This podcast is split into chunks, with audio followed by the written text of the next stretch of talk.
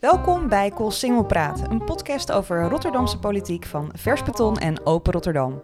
Met deze keer een eenmalige verkiezingsspecial. Aan de vooravond van de Rotterdamse gemeenteraadsverkiezingen blikken we met enkele redacteuren terug op de campagnes, de dieptepunten, de hoogtepunten en kijken we vooruit naar de uitslag. Het is maandagmiddag 14 maart 2022. Sinds vanmorgen zijn alle stembussen in de stad geopend. Dat betekent dat alle Rotterdammers vanaf vandaag tot en met woensdagavond 16 maart hun stem kunnen uitbrengen op een kandidaat voor de gemeenteraad en voor de wijkraad. Wij zitten hier op de redactie van Vers Beton in de Gouvernestraat met politieke junkies uit de redacties van Open Rotterdam en Vers Beton. Ehm, zij doken in de verkiezingsprogramma's, volgden verkiezingsdebatten en hebben lijsttrekkers geïnterviewd. Naast mij zitten Nigel van Schaik, Hallo. Sanne Poot Hi. en Sharifa Bageloe. Goedendag. En mijn naam is Eva Liuku, hoofdredacteur van Vers Beton.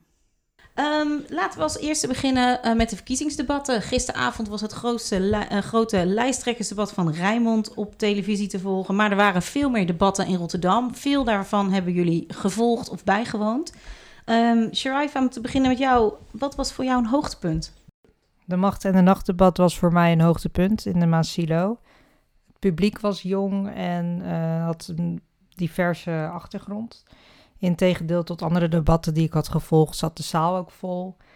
En het was een heel interactief debat. Ehm, en de toon was fel en het tempo zat er goed in.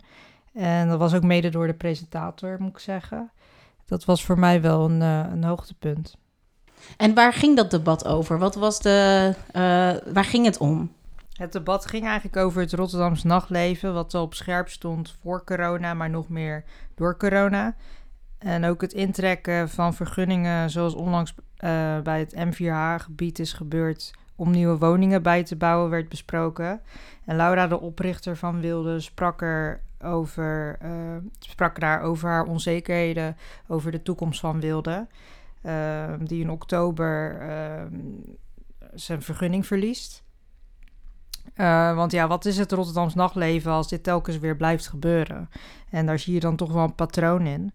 En eh, heel concreet kwam hier van de kandidaten geen antwoord op. Chantal Zegers kwam hier ook niet heel goed uit de verf en bleef tijdens het gehele debat herhalen: eh, we zijn eraan aan het werk, er wordt aan gewerkt. Maar ook werd er veel gesproken over wonen. Je ziet dat er ook een wooncrisis is voor studenten en dit werd besproken. Eh, hoe gaan we studenten huisvesten? Heel concreet kwam hier uiteraard ook geen antwoord op. Eh, maar wat vaak terugkwam was dat er bijgebouwd moest worden voor het middensegment. Ehm, je ziet ehm, hoe rechtser de partijen wordt, ook in de partijprogramma's, eh, hoe meer wordt ingezet op bijbouwen voor het middensegment. Ehm, en toen werd aan de nummer 4 van de lijst van de VVD, eh, Abrahamse, gevraagd: wat is dan precies dat middensegment? Eh, volgens haar is het middensegment 400.000 euro. Woningen van vier, ja, koopwoningen van 400.000 euro. Eh, nou ja, ik weet niet, maar middensegment een 4000 euro, eh, ik heb dat niet zo op mijn bankrekening staan. En ik kan daar ook geen hypotheek voor krijgen. Dat is een behoorlijke hypotheek inderdaad. Dat was een behoorlijke hypotheek. Ja. Ja, dus dat, dat was voor mij een, eh, dat viel op. Ja. En ehm, eh, heb je, had je ook dieptepunten genoteerd in de debatten die je bijgewoond? Het dieptepunt voor mij was het regenboogdebat. Eh, het regenboogdebat, eh, dat werd georganiseerd door COC, eh, Erasmus Pride en er zaten daar nog een aantal organisaties achter. Ehm, en het werd gehouden in Comedy Club Haug. Het regenboogdebat gaat eh, over de rechten van LHBTIQA gemeenschap. En ehm, daar werd dus flink over gedebatteerd. Ehm, wat mij opviel was dat Comedy Club Haug niet toegankelijk was eh, voor mensen met een rolstoel. Dat was eh, best wel een minpunt Ja. voor mij. En eh, de presentator Michael Komans, hij ehm, hakkelde heel vaak over LHBTIQA gemeenschap. Dat doen Ja. we allemaal. Dat doen we allemaal, maar er werd wel een beetje eh lacherig over gedaan. Dan, dan werd er naar het kaartje gekeken, want dat doe ik zelf ook. Ik hakkel zelf ook erover. Maar eh, hij nam bijvoorbeeld het koppelteken achter gemeens- gemeenschap ook mee met min. En dan werd er vanuit de kandidaten gezegd, maar min hoort er niet bij. Hè? Ja, maar het staat wel op mijn kaartje. Ha, ha, Oh ha. ja. Ehm, Dus en, alsof hij het zelf het onderwerp niet zo heel serieus nam als presentator. Terwijl Precies. hij zelf ook volgens mij bij de community hoort, toch? Want ik las ook dat hij Zeker. zelf heel trots was dat hij dat debat mocht doen. Eh, ja, zeker. Hij hoort daar inderdaad bij. En hij opende ook met: Ik kom voor het eerst uit dat ik homo ben. Eh, maar uiteindelijk, eh, heel die term, zat hij wel een, een, een beetje eh, op een humoristische toon mee om te gaan. En ehm, op het moment dat hij LHBTIQA, nu hakkel ik er zelf ook over, benoemde, was het en alles wat daartussen zit en wat er nog bij gaat komen. Ja, ehm, dat, viel bij mij niet echt in de smaak. En ehm, achteraf hebben P van de A en ehm bij 1 een klacht ingediend bij COC, een van Oh, de ja? organisatoren. Ja, ehm, en eh, COC heeft eh, laten weten dat ze wel in gesprek met ze wilden gaan. Oké, oké. Hey, en eh, Nigel en eh, Sanne, jullie hebben ook debatten bijgewoond. Wat viel jullie op? En welke eh, lijsttrekkers of politici deden het nou bijvoorbeeld heel goed? Om maar even met de eh, Ja, ik, denk dat, positieve dingen te beginnen. ik denk dat er best wel verschillen zitten in eh, wie goed uit zijn woorden komt en wie goed eh, in beperkte tijd een goed verhaal kan houden in zo'n debat. Ehm, ja, mij valt het op dat Ellen Verkoelen heeft een soort, toch een soort charisma waar, ik wat ben ze de hele fan tijd van kan. Ellen hoor. Die, die weet het allemaal wel goed te verwoorden. En ze, ook gisteren, als je dan kijkt naar het grote lijsttrekkersdebat van Rijnmond.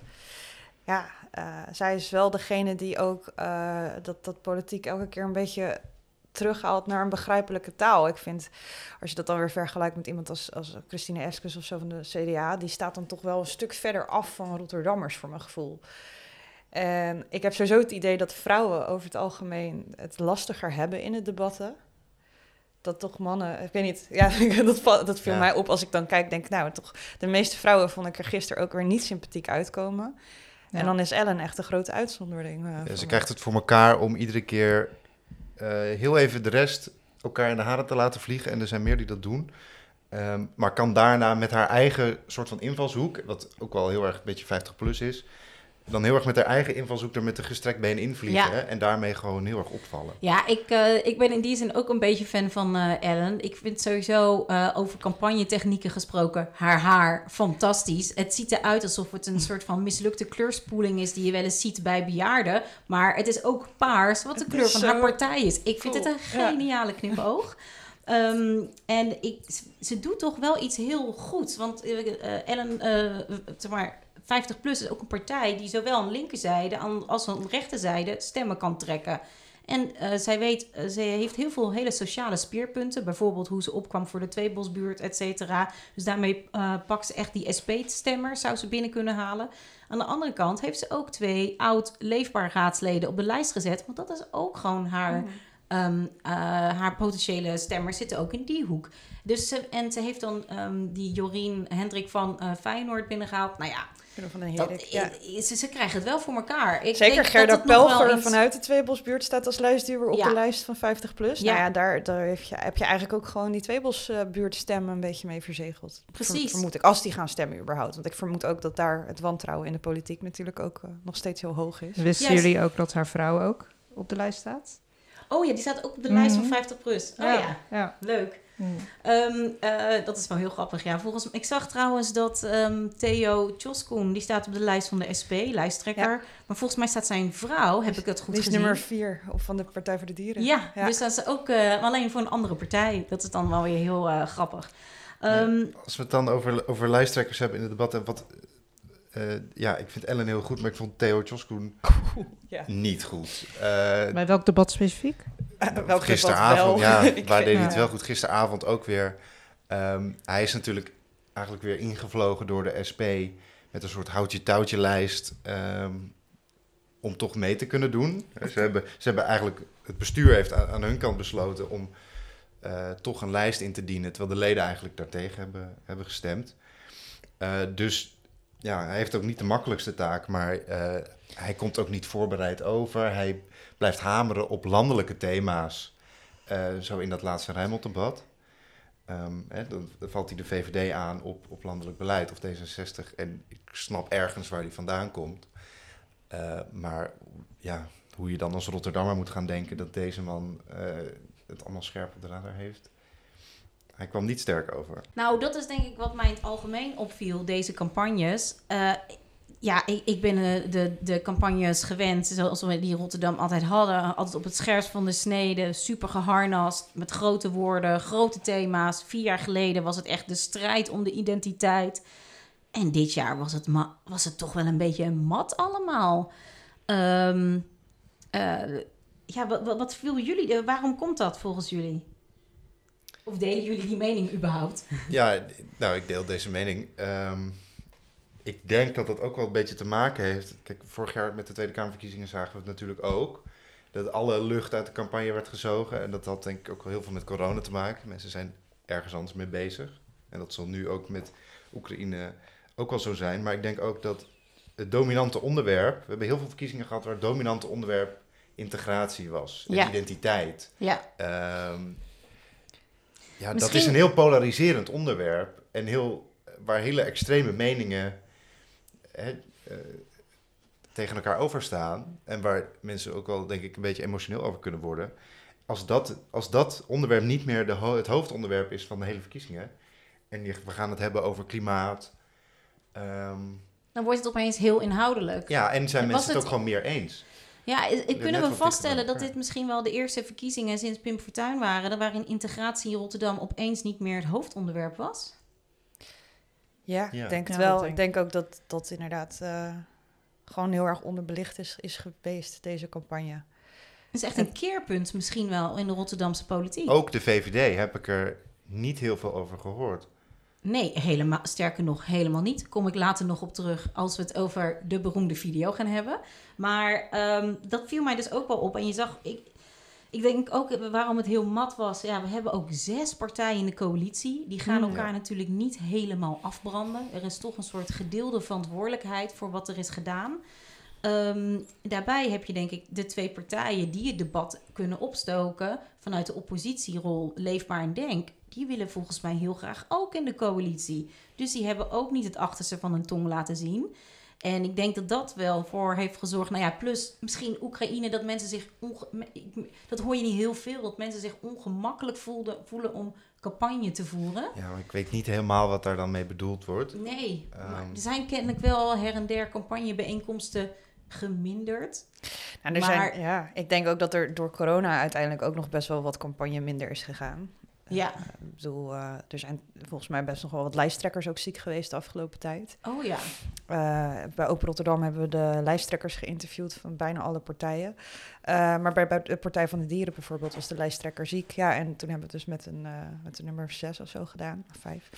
Ja, het was Ja. wel heel fijn dat we in ieder geval nog een paar weken voor de verkiezingen wel in elk geval weer debatten konden voeren in zaaltjes. En ik Met moet zeggen, ik ben ook ja. een groot, ja, weet je wel, ik hou van debat en, en bijeenkomsten. En da- daar heb ik wel erg van genoten dat het gewoon weer kon.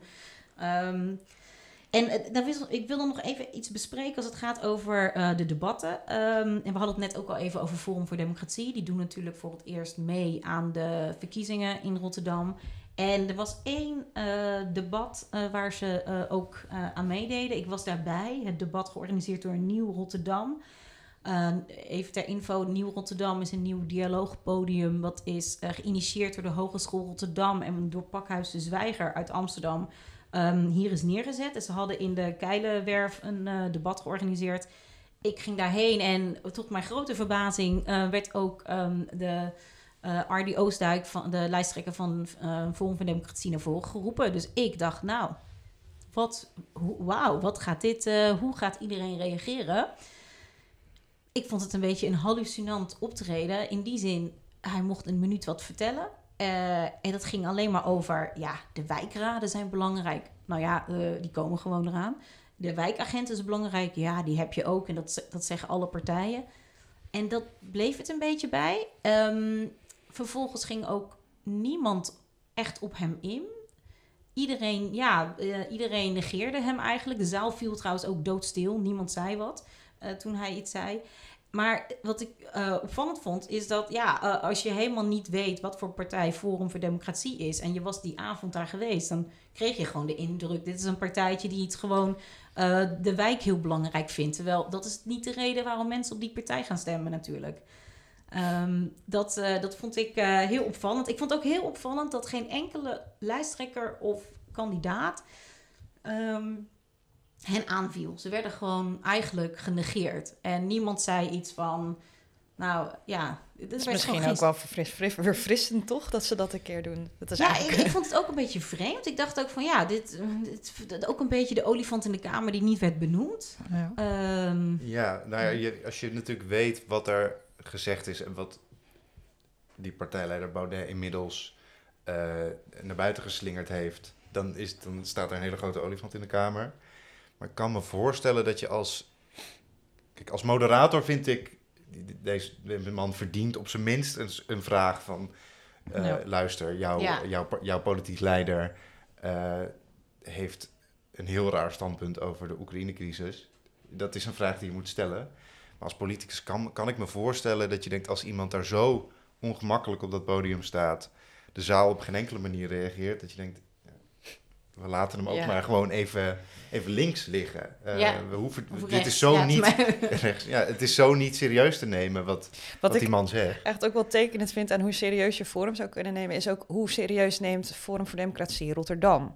Eh, we hebben geprobeerd om alle partijen te vragen van, joh, waar zijn jullie komende woensdag? Waar gaan jullie de uitslagen kijken? En we kregen een mail terug van het, eh, van, de, van het Forum voor Democratie. En het was, ja, we gaan kijken in Limburg. Jullie, Oh, zijn, ja? jullie zijn welkom. Oh, Forum voor Democratie uit Rotterdam, die zit Ja. tijdens de uitslagenavond in Limburg. Nou ja, dat vond ik wel heel tekenend voor hoe eh, betrokken deze mensen zijn met de stad. en er is ook volgens mij nog steeds geen verkiezingsprogramma, toch? Van Forum voor Democratie Jawel. voor de stad. Ja, Oh ja, dat was er heel lang niet. Die is vier dagen geleden gepubliceerd en het is ongeveer hetzelfde als in alle andere gemeenten. Ja, oké. Maar gisteren tijdens dat Rijnmond-debat zat de lijsttrekker van Forum niet achter Judith Bokhoven.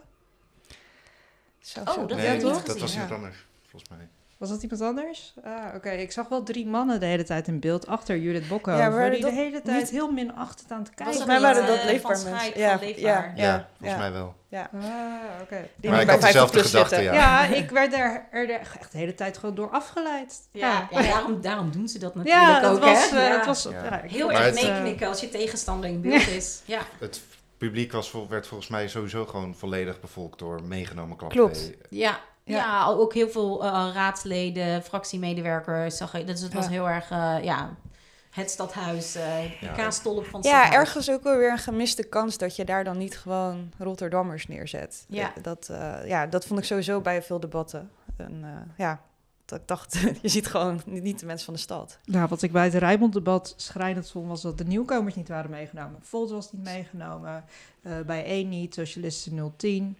Mis ik nog een nieuwkomer? Ja, bij Kleurrijk Rotterdam was een nieuwe partij die echt zwaar onderbelucht is geweest. Ja, Ja, vind ik die, zonde. eh, Ja, Ja. en terwijl eh, Volt en bijeen eh, allebei een serieuze kans maken Ja. om in de gemeenteraad te komen. Ja, die peilen op één, twee zetels. Ja, de, eh, bij ja 1 de- op 2. En als je kijkt naar de, mm, eh, het aantal stemmen dat ze dan vorig jaar hebben binnengehaald voor de Tweede Kamerverkiezingen. En die mensen zouden gewoon weer dezelfde partij stemmen. Wat denk ik nou, eh, niet altijd het geval is. Maar je kunt, als dat weer zou zo zijn, dan hebben ze gewoon ongeveer 1 à 2 zetels. Allebei. Dus daar kunnen we wel op rekenen, denk ik. Ehm, even kijken. Wat is er nou nog meer gebeurd? Eh, nou, dit, we hebben eigenlijk de matte campagnes besproken. We moeten, ja, ik moet er ook gewoon een beetje aan wennen dat het allemaal wat, wat minder heftig eraan toe gaat. Dat het over iets anders gaat dan integratie. Ja, en dat is ook wel heel, heel verfrissend in die zin. En Ja, je- ik zag het ook. eh, Oh, wil je wat zeggen? Eh, nou ja, de White Lives Matter Ja. stickers, eh, die hebben we wel teruggezien. En ehm, misschien aan de luisteraar even kort uitleggen eh, op eh, banners van kandidaten eh, met, eh, van kleur. Daar werden White Lives Matter stickers op geplakt. En vervolgens heeft Richard Motti, die natuurlijk lijsttrekker is van PvdA, eh daar aangifte voor gedaan. Ehm, en GroenLinks, het, was trouwens bij verschillende kandidaten hoor, van GroenLinks, van 50 plus, uh, P van de A en ik misvoel Denk. En uh, GroenLinks die stelde dus voor om met één reactie te komen uh, vanuit de raad. En dat Robert Simons van Leefbaar, die zag dat niet zitten, omdat zijn partij er ook vaak mee te maken krijgt, zegt hij. Uh, en hij noemde het dus hypocriet en zag daarvan af. Dus er is geen reactie gekomen. Wat ik weer heel typisch vond, want ze werden wel heel boos op Socialisten 010. Omdat die dan stickers zouden hebben met uh, ja, fuck VVD en fuck D66. Uh, dat soort dingen. Die, die, ja, ze hebben een... er zijn ja, mensen klopt. die geleerd worden aan die partij... die een webshop hebben waar je al die stickers kan kopen. En die hangen dus door heel de stad. Nou ja, daar werd leefbaar en de VVD werden daar wel heel boos om. Dus het is al een keer een beetje meten met twee maten. En het hoort er wel bij. Wat ik over die White Lives Matter stickers vond ik wel... Uh, ik heb nog in de Telegram groep gekeken waar dat allemaal in gedeeld werd. Mm. En mensen waren echt trots op alle aandacht die ze kregen. En toen dacht ik wel, ja, dat is ook wel... Natuurlijk doen ze het daarom. Het is gewoon puur om mensen te trollen en uh, te stoken. En het heeft voor de rest ook echt, ja... Ik denk eigenlijk dat we dat ook net zo hard moeten negeren als... Ja, uh, ja dat denk ik eigenlijk ook wel, ja. ja. ja. Het zijn echt een paar trollen die doen om aandacht. Ja, het is natuurlijk, je, denkt wel na van uh, wat voor effect zoiets heeft, ook voor uh, toekomstige. Stel je bent, uh, hè, je bent een Rotterdammer met een migratieachtergrond en je hebt politieke ambities. Dat het toch een soort afschrikkend effect heeft. Van ja, daar, dat zijn dingen waar je dan opeens mee te maken gaat krijgen. En dat, dat vind ik heel, heel triest en raar en heel treurig. En ik hoop dat dat niet. dat mensen zich niet laten afschrikken. Het vervelende is ook dat je in je eentje met een stapel stickers uh, op een avond, ja, die kan je overal neerplakken en dan is het een ding. Er is maar één iemand voor nodig om, ja. Uh, ja. Uh, om dat te gaan doen. Ja. Um, ja, even kijken. wat moeten we nog meer bespreken? Wat viel op tijdens de campagnes? Nou ja, misschien wat we even, even kort, wat waren de grote onderwerpen die dan nu ineens wel uh, op de agenda konden staan. Ik moet denken aan het vliegveld. Ja. Dat was een groot thema. Toch wel, uh, dat heeft uh, vooral linkerpartijen, die, die, hebben dat toch best wel naar voren weten te pushen, ja, dat zeker onderwerp. Van links. Ja, gewoon heel het vlieg, het, het, voorstel is heel het vliegveld slu ja. sluiten en daar gaan bouwen. Ja, wat ik op zich interessant vind, omdat um, GroenLinks, hè, die pusht dat heel erg. En die presenteren het als, ja, dit is een fantastisch idee, want je kunt en ze zijn letterlijk uh, gisteren in het debat: we gaan de klimaat, als we dit vliegveld sluiten, dan hebben we de klimaatcrisis opgelost en de woningcrisis opgelost. Ja, ja nou, dat klinkt ideaal. Dat is fantastisch. Alleen de gemeente is ja, gedeeltelijk aandeelhouder.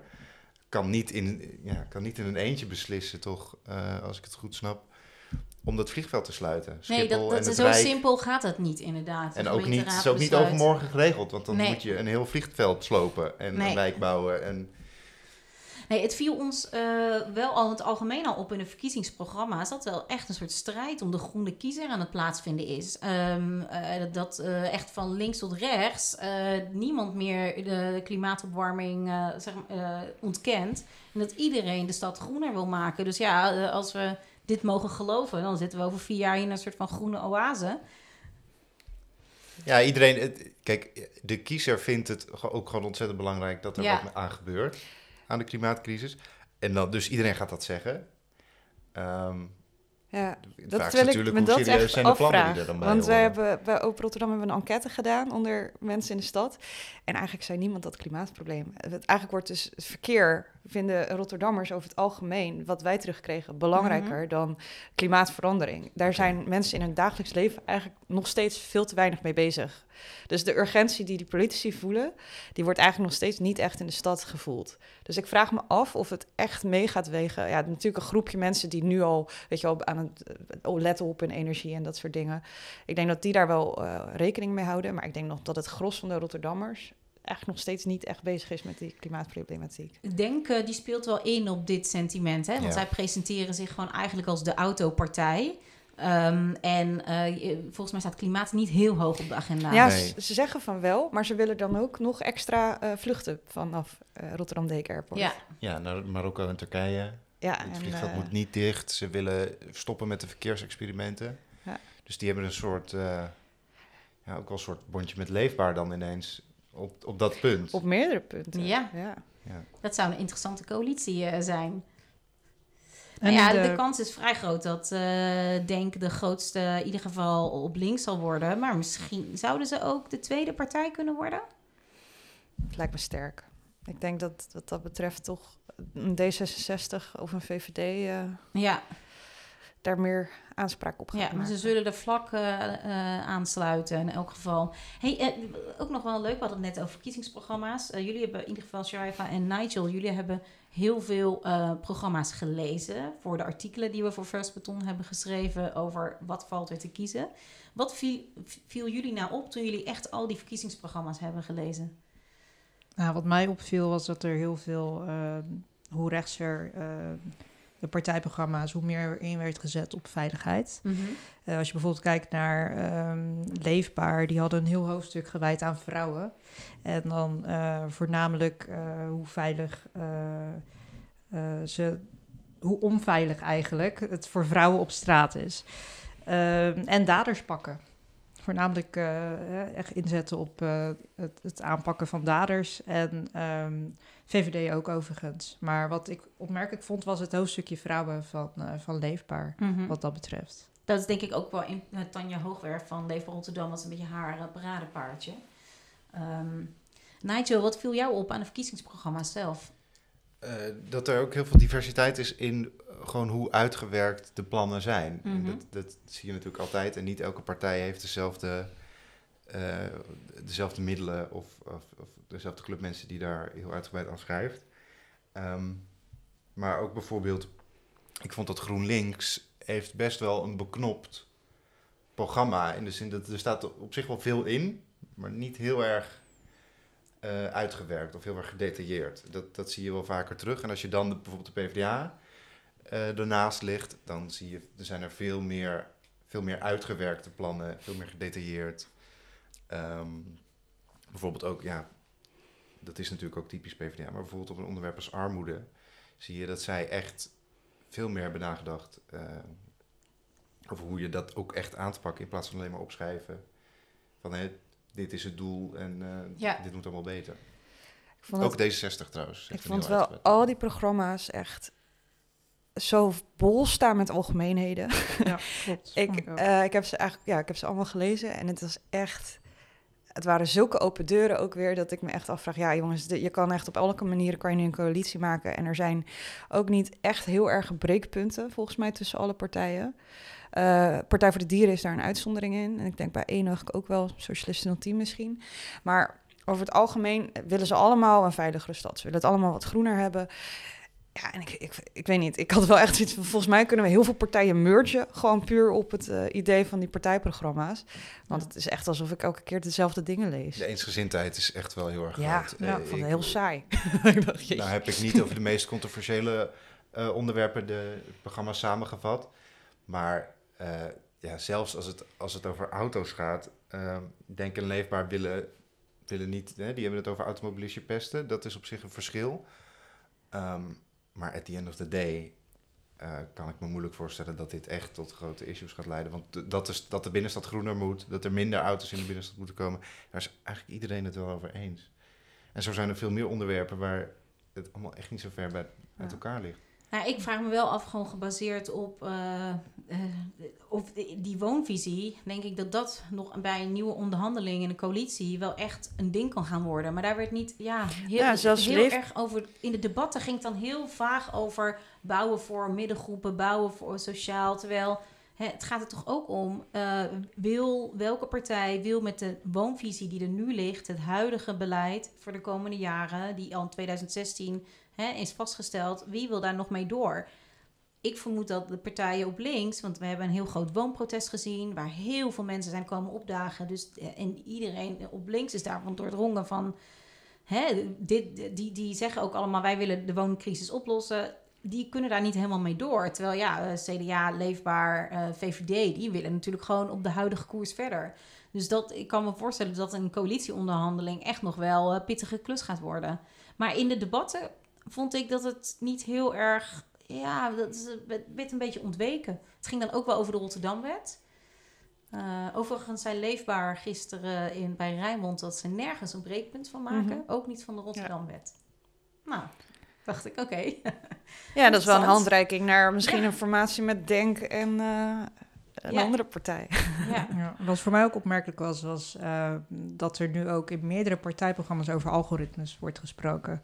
Oh ja. Ik denk dat je dat eh, vier jaar geleden eh, niet was tegengekomen, waarschijnlijk door het toeslagenschandaal. Eh, zie je dat eh, ja, voornamelijk bij wat linksere partijen discriminatie op basis van algoritmes, dat daar ja. ja, wel echt voor tegen. Vond bij bijna alle partijen ook op het gebied van digitalisering en zo, vond ik eigenlijk alles heel karig. En dan Ja. heb je eigenlijk alleen Volt en GroenLinks die dan nog een beetje zeggen van joh, misschien moeten we eens gaan kijken naar. eh, ja, Volt gaat daar nog heel ver, tenminste ver in. Die wilden gewoon een eh, wethouder van digitalisering. Maar die zijn eigenlijk helemaal niet concreet wat, dat dan, wat die dan moet gaan doen. En GroenLinks die willen dan nog wel kijken van joh, we moeten eigenlijk als gemeente zoveel mogelijk open source eh, producten gaan gebruiken. Nou, daar word ik heel blij van. Als iemand die heel erg dol is op eh, privacy, denk ik ja, laten we daar inderdaad als gemeente ook wat meer naar kijken. Eh, en ik denk dat daar eh, voor veel politici echt nog veel te winnen valt. Eh, de autonomiteit van je stad. Ehm, even kijken, ja. ehm, wat viel nog meer op eh, deze campagnes? Maar volgens mij is eh, Vincent Karreman een ondernemer. Wisten jullie dat? Ja, het- nu je het zegt, ik heb het ook ergens gehoord. Ja. Ehm, eh, ja, nee, de, de VVD-video, daar ging De het rip-off natuurlijk- van, eh, van de ChristenUnie met zijn hardloopfilmpje, toch? Ja, opeens wa- er waren maar liefst drie, volgens Ja. mij, video's waarin lijsttrekkers gingen hardlopen. Ehm, wij hebben op Vers Beton natuurlijk de serie gehad van Marjolein Kooijman. Die heette De Race naar de Koolsingel. Waarin ze langs de route van de marathon ehm, ophaalde hoe eh, Rotterdammers naar het stadhuis kijken. Ja, de lijsttrekkers lijken dat wel heel letterlijk genomen te hebben. Ze gingen opeens allemaal hardlopen in hun filmpjes. Ehm, ja, die VVD-video, er is al heel veel over gezegd. Want het was natuurlijk een video van een hele hoge productie. Met een eh, budget, waarschijnlijk het budget wat alleen al aan die video opging. Dat was voor sommige partijen, denk ik, het, eh, het volledige campagnebudget. Maar ja, zij hebben een aantal grote donoren en eh, jarenlang hier naartoe gewerkt om geld te sparen. Dat hebben ze gezegd. Hoeveel precies in kas is, dat weten we niet. Daar zou ik nog wel een keer een leuk artikel over willen lezen. Maar we denken aan tonnen, toch? Ja, en de, tenminste deze video, de, ik las ergens, maar ja, ik weet niet hoe bevestigd deze informatie is dat het toch wel om 50k zou moeten gaan. Ja. Ja. Ehm, ik wil toch nog eh, mijn duit in het zakje doen over die video. Ehm, al- als jullie het niet erg vinden, of zijn jullie al helemaal klaar mee? Ehm, ik vind het wel, eh, wat ik heel interessant vond aan die video, is dat je heel goed kon zien ehm, op welke eh, groepen de VVD zich richt. En op twee hele, op een impliciete en op een expliciete manier. Als je gewoon puur kijkt naar wat zegt hij in die video, welke onderwerpen kaart hij aan, dan lijkt het ja, wel alsof hij zich heel erg op die beetje de D66-stemmer, de wat pro- progressievere persoon op rechts eh, richt. Namelijk het eerste punt wat hij noemt is klimaat. Nou, vind ik niet heel erg een VVD-standpunt per se. Dat is best wel hè, van laten zien, ik, hey, ik ben een ander type VVD'er. En, eh, en migratie komt niet aan bod. Dat is niet onderdeel van alles wat hij vertelt. Ehm, en vier jaar geleden deed de VVD dit ook. Toen hebben ze ook migratie eigenlijk als groot onderwerp gewoon laten liggen. Ze dachten, we laten dit gewoon over en leefbaar.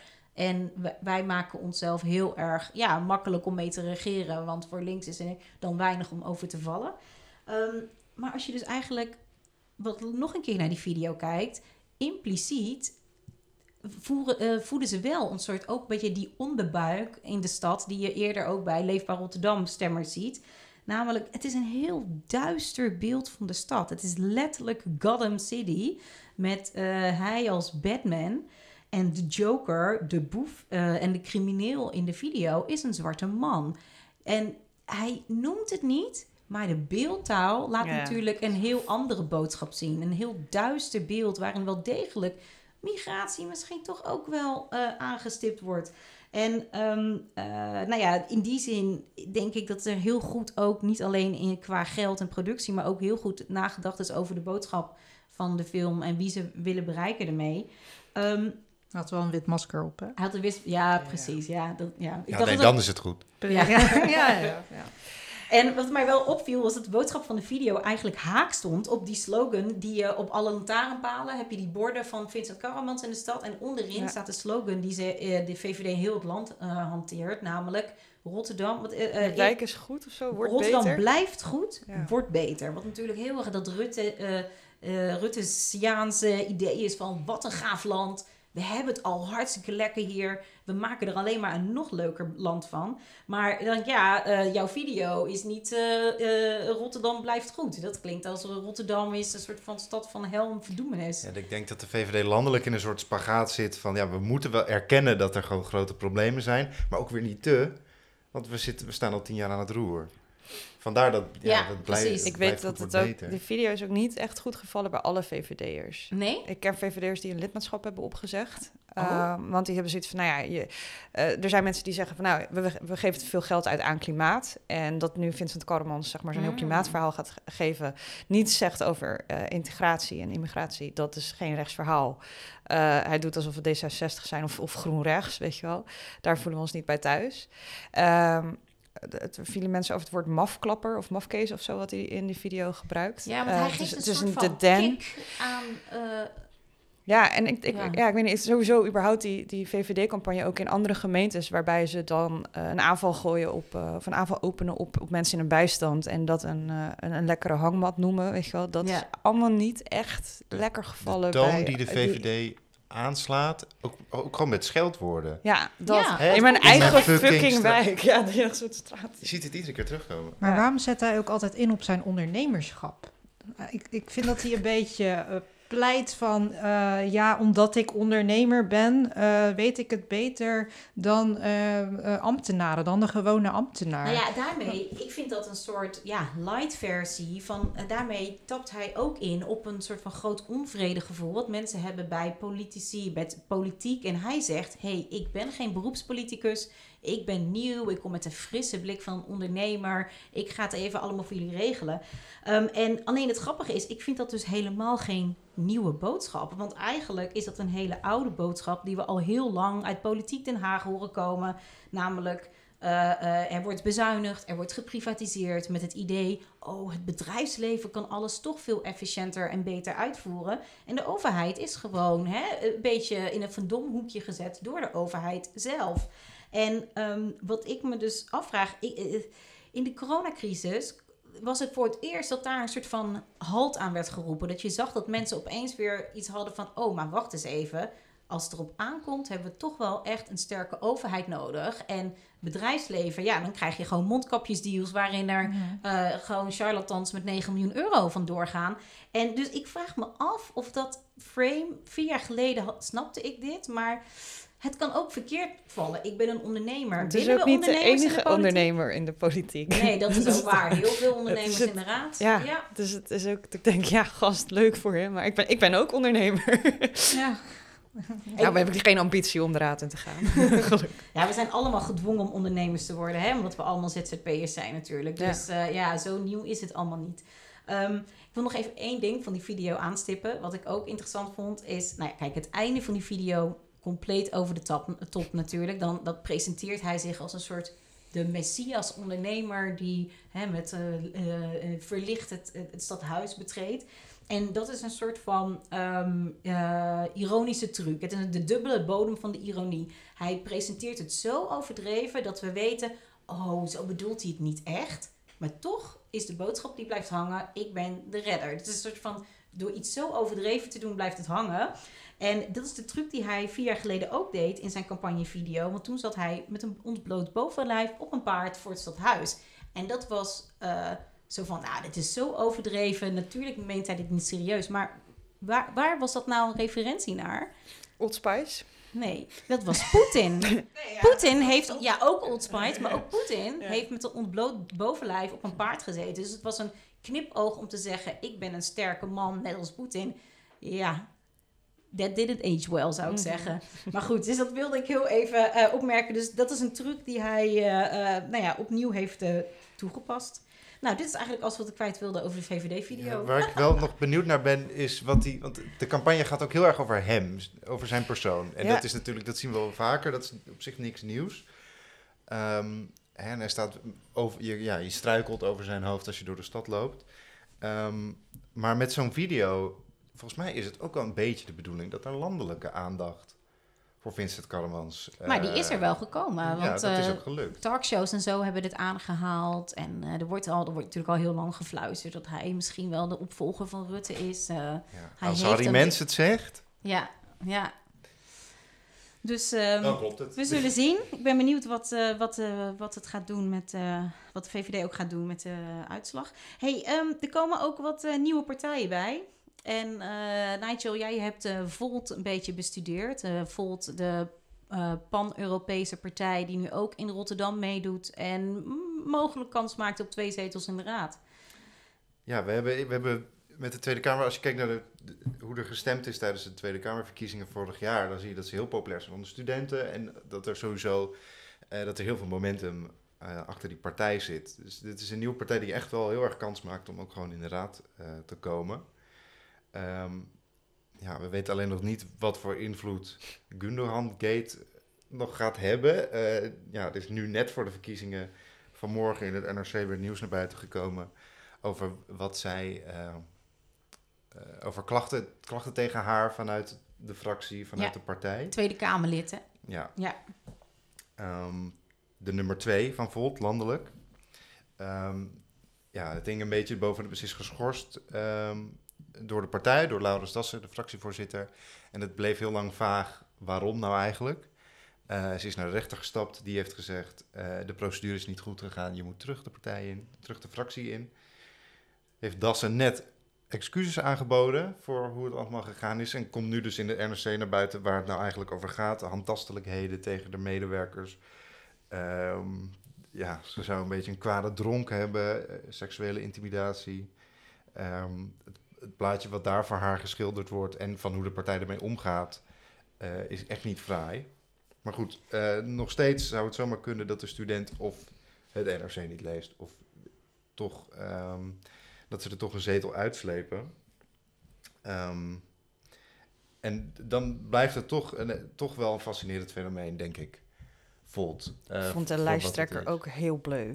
Sorry hoor, maar Ja, dat- ja. die, die lijsttrekker, die Iv- Iva- Ivaan, Iva, sorry, ik heb haar... Imane? Imane El Filali. Ja, ik vond haar heel bleu. En ik Ja. vond nog steeds dat ik dacht van... Ja, ze wil dan verandering en ze willen het anders doen. En ze willen de, het vertrouwen in het bestuursmodel eh, gaan herstellen. Maar hoe dan? Maar dat, is de grote komt dat is- gewoon niet naar voren. Dat is echt de grote vraag. En je ziet iedere keer dat. ehm, wij zijn niet de enige die ons dit afvragen. Nee. En ze komen naar de debatten en ze wordt geïnterviewd.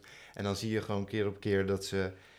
eh, dat ze geen, op heel veel Rotterdamse onderwerpen gewoon geen antwoord hebben. En dat bijna presenteren als iets goeds. Ja, Als iets verfrissends. Ja. Dat ze het niet weten. ja dat, Dus bijvoorbeeld over. eh, wordt ze in het. Wordt Iman El Filali, de, de lijsttrekker in het AD, geïnterviewd. eh, over eh, Rotterdam Airport.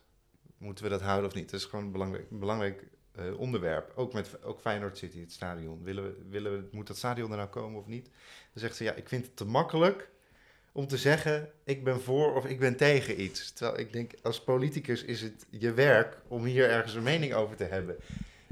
Sterker nog, het is juist heel moeilijk om te bedenken of je voor of tegen iets bent. Straks, als je in de gemeenteraad zit, komen er allemaal moties. En dan moet je uiteindelijk, als puntje bij paaltje komt, ben je bedenken, ben ik voor of tegen? En dan moet je wikken en wegen. En dat is eigenlijk het moeilijke eraan, lijkt mij. Als, omdat alles al heel genuanceerd Ja, is. en ja. om, om de problemen die ze natuurlijk wel noemen, hè, want Mm. dat, is, dat is altijd eh, in zo'n debat zie je ook, dan is het iedere keer, ja, er, dan krijg je altijd het rijtje. Er is een wooncrisis, eh, de coronacrisis heeft naweer, et cetera. Daar zijn oplossingen voor nodig. Maar als je die niet hebt, als je die niet hebt uitgewerkt, dan wordt het ook wel ingewikkeld om dat dan voor, op jouw manier Ja. voor elkaar te gaan krijgen in de raad straks.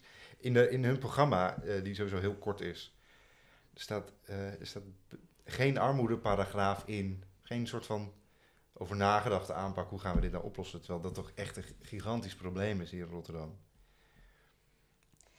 Ja, eh, we zullen zien hoe ze het, hoe ze het gaan doen. Ik ben, en ook wat voor rol ze dan in de gemeenteraad gaan vervullen. Ja, ik denk, Ehm, ja, ehm, er stond dit weekend een mooi profiel van Volt in eh, de Groene Amsterdammer. Van Daniel Boomsma en eh Thijs Kleinpaste. waar ze ingaan op de. eh, op van ja, wat moeten we hier nou eigenlijk mee? Wat vinden ze nou eigenlijk? Wat betekent deze wat, wat zegt de opkomst en de hype eigenlijk van deze, van deze partij? En wat ik daar een heel goed punt in, in vond, is dat ze zeiden: ze hebben een toch wel een heel erg progressief imago. En dat, dat dragen ze ook wel graag uit. Ehm, maar zij zeggen, als je echt, echt ongelijkheid aan wil pakken... en als je echt een progressieve punten wil maken... dan moet je juist eh, conf- kunnen confronteren. Dan moet je juist eh, dat ja, eh, heel sterk kunnen verdedigen. En als je als tegelijkertijd als soort van modus operandi heeft... om altijd maar constru- zo constructief mogelijk met iedereen samen te werken... Mhm. nooit een stevig standpunt in te nemen... eh, dan kan ik me heel moeilijk voorstellen dat je die idealen ook echt bereikt op die manier. Mm. Ja. Want het moet allemaal gezellig, het moet altijd constru- Ja. het moet allemaal constructief. Heel erg soort- het Nederlandse Ja, poldermodel. politiek gewoon. Het is niet soort- gezellig. Het gaat over levens en zo, weet je. En dat idee, ja, dat je dat dan gaat doen alsof je dat wel kan doen... ja, dat vind ik ergens halen- gewoon kiezersbedrog, toch? Ja, Ja, ze halen ze het politieke uit de politiek. En ik denk dat dat eh, eh, wel heel veel kiezers aanspreekt. Want heel veel mensen zijn cynisch geworden over de politiek. En, en eh, geven af op politiek. En dan denken ze dat de oplossing is dat er dan ook maar minder politiek moet. Terwijl, ja, Op een gegeven moment is er, volgens mij is er, is er de afgelopen jaren een soort idee ontstaan dat, eh, dat politie die naar elkaar schreeuwen, de politie die ruzie hebben, ehm, de, de bestuurscultuur, Mhm. dat is dan weer gelinkt op een of andere manier aan de toeslagenaffaire. Een soort afrekencultuur. Daar moeten we allemaal vanaf. Hè, dus dat is een soort breed idee geworden van dat, is, dat, is, dat, dat gaat fout in de politiek. Daar moeten we vanaf. En het antwoord dat Volt daar dan op, op geeft is... wij zijn pragmatisch en positief, we gaan geen ruzie maken. Maar dan Ehm, leg je indirect nog veel meer eh, macht eigenlijk bij ambtenaren. En dat vind ik best wel een probleem. dat is echt... eh, ja, bedoel, dat- ja en, en gewoon aan de, ja, de, de, de status quo al op zich. Dus ik denk dat Ja. gewoon de middenpartijen of de partijen die regeren... daar eh, in ieder geval in Volt niet een eh, vervelende tegenstander zullen Nee. zien. Eh, dus een partij om eh, fijn mee samen te werken. Ehm, even kijken, laten we even... eh, we gaan door. Heb je nog iets over Volt wat je opviel? eh, nee, ik ben gewoon heel benieuwd of ze die, eh, ja. Of ze die zetel voor elkaar krijgen. Ik Ja. durf het nu niet, ja, met het nieuws nu niet te zeggen. Ja, maar ja, ik denk het wel. Misschien, eh, denk ze zouden voor twee kunnen gaan. Misschien dat eh, de, eh, Nou ja, de, de slechte pers uit Den Haag voor één zorgt. Als jij, maar- als, jij, ja, als jij student bent, je bent jong en progressief... eh, en dan kan je ook je- gaan voor en je Jonge bent- Rotterdam. En ze sluiten niemand uit, hè? Dat is waar. Om, eh, Ja. En je wilt toch een soort, ja, je wilt toch, je bent klaar met D66, je wilt toch een soort proteststem. ja. Dat ik dan toch bij Volt eh, Ehm, tot slot, eh, Sanne, eh, wij gaan eh, dit jaar niet alleen stemmen voor de gemeenteraad, maar ook voor de wijkraad. Klopt. En daar heb jij je heel veel mee bezig gehouden voor Vers Beton en ook voor Open Rotterdam. Ja, ja, die wijkraden die werden vorig jaar ergens in de lente aangekondigd. Dat is eigenlijk nog een plan uit de koker van eh, de, Barbara Katman. Die na de verkie- afgelopen verkiezingen naar Den Haag ging en vervangen werd door Roos Vermeij. Eh die heeft het samen, eh dus van de PvdA, en die heeft het samen met eh, de D66-wethouder Arjan van Gils hebben ze het eigenlijk helemaal uitgedacht. Want ja, we hebben naast de Koolsingel heb je ook nou, op dit moment nog de gebiedscommissie in heel veel gedeeltes van Rotterdam. En we hebben afgelopen vier jaar een proef gehad met wat wijkraden en wat wijkcomité's. En nou ja, dat wordt nu allemaal eh, aangepast, want ja, de lokale inspraak, dat ging allemaal niet lekker. Die drempels waren te hoog, dus dat, dat moest anders. En daar, eh, ja, daaruit zijn dus nu de wijkraden gekomen. Rotterdam krijgt 39 wijkraden. Meer dan 600 kandidaten hebben zich eh, opgegeven om in zo'n wijkraad te gaan zitten.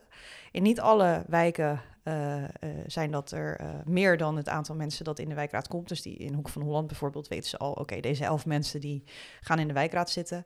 Maar in andere wijken zoals Bospolder, Tussendijken en nou, in Oude Noorden en in het Liskwartier en zo, daar wordt het echt nog wel even spannend wie Ja. er in die wijkraad gaan komen.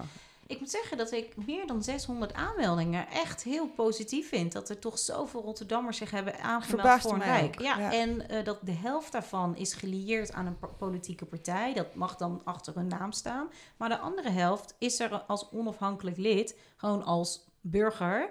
En dat vind ik ook een hele interessante ontwikkeling. Dat dat zoveel mensen zijn uh, die... Nou ja, ik heb het al eerder geschreven in een column. Uh, ik vind het ook... Het is ook een soort van ja, kraamkamer van de democratie. Het zijn toch mensen die misschien wel via zo'n wijkraad kunnen snuffelen aan de politiek. En wie weet wat ze dan, welke stappen ze hierna gaan maken als ze een beetje begrijpen hoe, hoe het werkt in de stad. En als ze niet gedemotiveerd raken, want daar ben ik ook nog heel benieuwd naar. Want het is nog niet heel duidelijk hoe die wijkraad zich gaat ontwikkelen. Het is de bedoeling dat na de verkiezingen straks, uh, nou, dit, de uitslag komt waarschijnlijk pas volgende week uh, voor de, voor, de, de wijkraden. Dat, dat gaat nog wel even duren. Uh, die worden later geteld dan oh, de gemeenteraadsstemmen.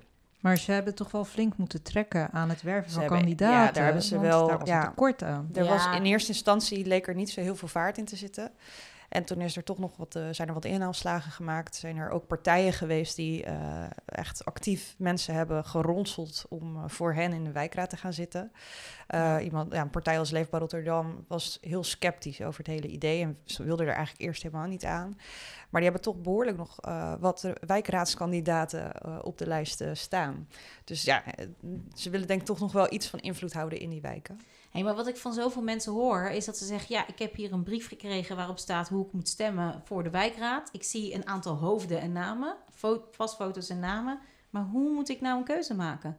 Ja, dat is heel ingewikkeld. Ze hebben een uh, website gelanceerd die dus ook aan die wijkraden gekoppeld wordt. Dus in elke wijk heb je een wijkhub waar je de gemeente fysiek kan zien. En er is een online platform, mijn.rotterdam.nl, uh, waar je dus strakjes met je wijk kan uh, corresponderen. En op, die, uh, op dat platform, dat mijn.rotterdam.nl, daarop staan ook alle kandidaten van, voor de wijkraad met een soort van vriendenboekjestekst over hoe ze hun wijk uh, allemaal veiliger en groener en gezelliger willen maken. Komt allemaal enorm overeen. Dus ja, hoe, hoe ga je dan kiezen? Je gaat waarschijnlijk gewoon kiezen op degene die je kent. Maar wat ik heel vreemd vond, was dat, eh, dat uh, in die oproep van de gemeente dus helemaal geen verwijzing stond naar die website. Dus die mijn.rotterdam.nl, dat het helemaal niet goed verspreid is. Nee, dus er is wel een social campagne die ook een beetje cringy is. Moest ik eerlijk zeggen. Ja, waarbij je dan ook weet je wel, Abu Talib hebt van... hé, hey, stem nu op je wijkraad of zo. Oh ja. Het is allemaal zo ja, dat wordt dan gepusht op Instagram en op Twitter en op Facebook, maar het is het dan allemaal en wat, net niet. Wat is jouw tip voor mensen die zeggen, ja, hoe moet ik nou kiezen voor de wijkraad? Nou, ik, uh, ik denk dat die, dat die wijkraad echt gaat, gaat uh, ja, barsten van nepotisme eigenlijk. Want ik uh, heb zelf ook zoiets van, ik ken niet zo heel veel mensen in, die zich kandideren voor de wijkraad al die verhaaltjes lijken op, op elkaar. Dus ik stem dan denk ik toch maar degene, ja, stem met je hart zou ik dan zeggen. Stem gewoon op degene die je uh, vertrouwt en die jouw belangen van jouw wijk kan, uh, kan vertegenwoordigen. Uh, dus ja, dat zou daarin mijn tip zijn. Het is niet gek toch om op iemand te stemmen die je kent. Ik bedoel, als je dan ja, nee, precies. Ik, dat denk ik ook. Dan weet je ook gelijk waar je naartoe moet. Ja, ja en iemand die er benaderbaar uitziet. Precies. En als je iets hebt, dat je gewoon weet naar wie je toe moet stappen. Ja, en ook iemand die er tijd voor heeft. Want ja. ik zie soms ook mensen die zeggen... joh, ik zit in allemaal besturen en in allemaal clubjes en dingen. Waarvan ik denk, ik, ja, ik weet nou niet of dat dan degene zijn... die echt zich hard kunnen maken voor uh, jouw wijk. Maar goed, dat is, uh, dat, ja, er zijn mensen die dat allemaal kunnen. Veel respect voor, maar ja... Ja, ik ben ook heel benieuwd naar die wijkraden. Ik vind zelf ook nog, uh, ik weet ook nog niet helemaal wie ik ga stemmen, maar ja. mijn.rotterdam.nl, daar uh, kunnen we het allemaal lezen. Wat voor, uh, ja. wat voor kandidaten Wat ik ook nog wel echt heel grappig vond, is dat er sommige kandidaten in hun posters en zo een huisdier meenemen op de foto. Nou, dat vind ik zo droog. Ja, ik zag een D66er met een kat. D66 ja, een, kat. Een D66er, de heeft, maar heeft hij dat dan zelf ja, nog betaald om zijn poes door de hele stad uh, op te laten hangen? Het werkt wel, Het hoor. werkt ja, wel. Het valt mij op. Iemand van Leefbaar, die, de lijststuur daarvan, die heeft ook een foto met zijn hond. ik vind, ja, dat, dat, het trekt wel de aandacht. Ik denk wel dat dat soort ludieke acties, uh, daar had ik misschien nog wel wat meer van verwacht, ja. uh, eigenlijk. Ja, de beste verkiezingsposter komt uit uh, Kralingse Veer. Don't fuck with Kralingse Veer. ja, dat... Ik moest heel hard ja. lachen. Ja, die is uh, blijven hangen. Ik, uh, ik woon er niet, dus ik kan niet voor hem En de wijkraad daar zit ook al helemaal vol. Dus daar hoeft het ook niet. Oh, ja. ik ben ook benieuwd naar de opkomst daarvoor trouwens. Ja. Want je mag alleen stemmen voor je wijkraad in je eigen wijk. Dat is nog wel even belangrijk om te zeggen. Dus wil je stemmen op iemand in je wijk dan moet je dus ook echt in je eigen wijk. En als je dus in een andere wijk uh, naar een stemlokaal gaat, omdat dat misschien net iets dichterbij is, dan raad ik je aan toch nog even om te lopen of je ja. stem te bewaren om toch nog even te stemmen op je wijkraad. Nou, we hebben drie dagen de tijd, dus het moet kunnen. Eh, ja, want je ik- kan ook, je hebt twee stempassen gekregen, je kan ook de ene dag ja. Ja. voor de wijkraad stemmen en dan ergens anders. Ja. Of, ja, nou juist, je bent al Ja, bij jou in de buurt. trouwens, Ja, dus- dan kan je. Ik ben ook heel benieuwd wat de opkomst gaat zijn dit jaar. Ik bedoel, de opkomst in deze stad, zeker voor de gemeenteraad, is niet zo best. In 2014 was die eh 45% 2018 46,8% Ehm, ja, als we de 50 aantikken, dan mogen we hier Polonaise gaan lopen. Dat is Ja. fantastisch. Ehm, ik heb ook het idee dat de gemeenteraadsverkiezingen echt is ondergesneeuwd door ook eh, ja, het nieuws uit Oekraïne. Ik merk het zelfs bij mezelf. Ik ben best wel een politieke junkie. Ik vind de gemeenteraadsverkiezingen ontzettend leuk. En eh, opeens was ik een week lang gewoon non-stop nieuws uit eh, Oekraïne aan het volgen. En dat ik me echt moeite had om me weer te interesseren voor Rotterdam. En dat heb ik nooit in mijn leven. Dus eh, ik ben ook benieuwd. eh, En je, de landelijke aandacht eh, drukt het denk ik ook een beetje weg. Vier jaar geleden waren er allemaal grote talkshows in eh, Rotterdam. eh, om aandacht te geven aan de gemeenteraadsverkiezingen. Ehm, en eh, dat is nu ook allemaal wat minder. Ja, en ik, heel veel Rotterdammers volgen lokale media niet goed. Dus je moet er ook een beetje van, eh, ja, er moet gewoon aandacht voor zijn. Ik, ben, eh, ik hou me hard vast voor de opkomst wat dat betreft. Ja. Maar eh, we zullen zien. Ehm, tot slot, eh, ik denk dat we hier een beetje moeten afronden, want anders wordt het een hele lange zit. Ehm, ik wil van jullie allemaal even kort weten, als straks de uitslagen binnenkomen, waar ga jij nou op letten? Wat, eh, waar ben je benieuwd naar, Nigel? Ik ben heel benieuwd wat er op, eh, aan de linkerflank gaat gebeuren. De SP heeft ja, interne crisis gehad, is soort van de raad uit. Wat nu Socialisten 010 is. Die twee hebben, nou, in hoeverre de SP een programma heeft, lijkt het heel erg op elkaar natuurlijk. Eh, en bij één is erbij gekomen. Een partij die ook een hele goede kans maakt om eh, in de partij te komen. En ook helemaal uiterst, eh, uiterst links op het spectrum zit.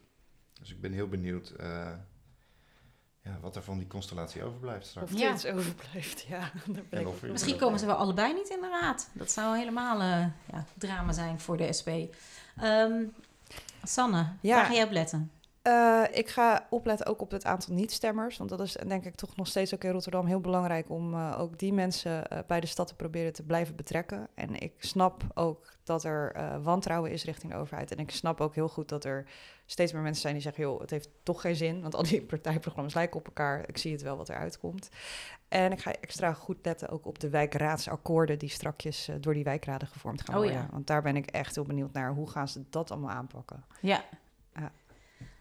Sharifa, waar ga jij op letten? Ehm, ik ben heel benieuwd naar de nieuwkomers. Ehm, ik, ik ben super benieuwd wat Volt gaat doen. Eh bijeen uiteraard. Ehm, Socialisten 010 ook. Na SP Socialisten 010 eh, splitsing. Wat blijft er van de SP-stemmers over? Gaan zij op Socialisten 010 overstappen?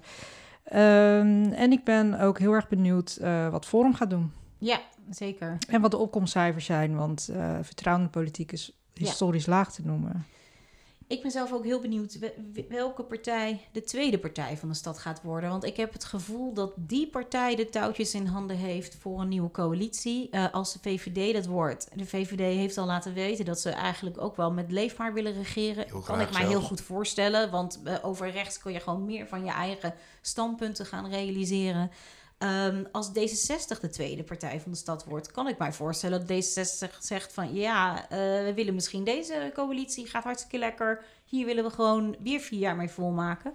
Dus dat vind ik eigenlijk een hele spannende. En wat nou als eh, Denk opeens de tweede partij wordt?